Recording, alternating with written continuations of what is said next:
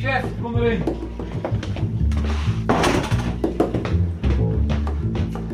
Frank van der Linden, in zijn eigen habitat.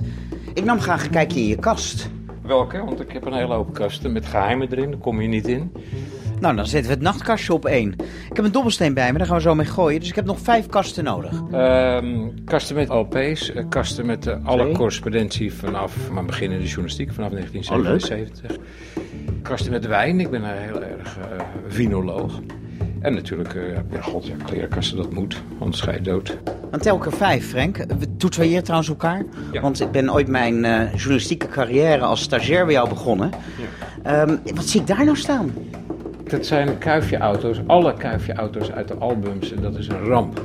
Die staan in een daartoe speciaal geëquipeerde kast. Laten we die op zes zetten. Oké. Ik geef je de dobbelsteen. Ja. Nou, zes man, dat is echt bij toeval eh, de kuifjekast. Ik zeg altijd eh kuifje c'est moi, de nobele reporter die eh, avonturen beleeft en mensen redt. En het leukste van al, hij hoeft nooit te werken. Er is geen album hè, van Kuifje waarin je hem een artikel ziet schrijven. Zullen we even voor gaan staan? Ja, je had op een gegeven moment een, een folder die in de bus viel. En dan kon je voor 5 euro een echt kuifje autootje krijgen zoals het in de albums eh, voorkwam.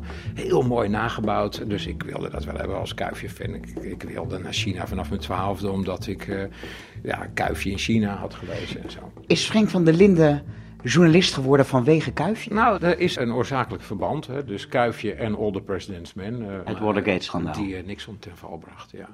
Anyway, er kwam zo'n folder en ik wilde dat autootje hebben. En drie weken later kwam er nog zo'n autootje met een bon erbij van 24,95.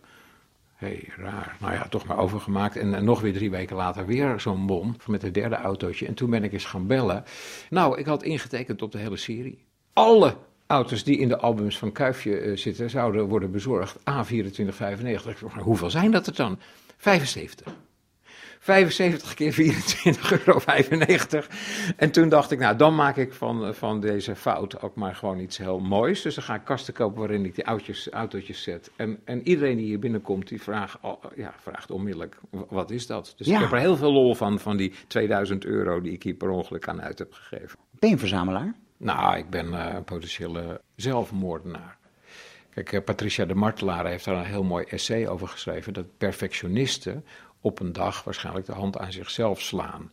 Zij beschrijft dat als je alles onder controle wil hebben, alles perfect georganiseerd wil hebben, dat je natuurlijk op een dag merkt dat dat niet gaat. Dan nemen de frustraties toe.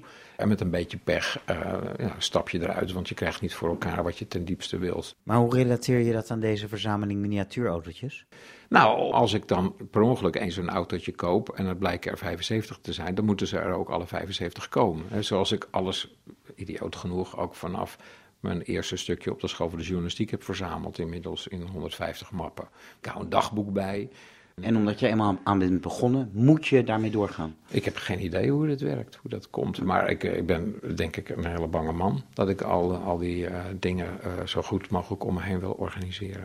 Je zei Kuifje c'est moi, maar Kuifje gaat achter bandieten aan met een pistool op zak.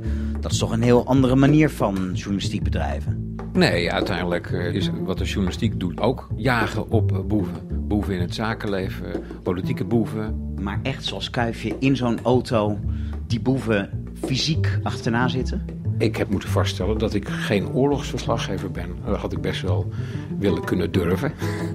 Maar ik weet nog in 89 dat ik naar het plein van de Hemelse Vrede reed op een nacht op een platte boerenkar.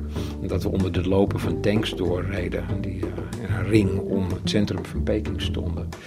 Er hing een onheimische sfeer en ik realiseerde me, er wordt niet eens geschoten.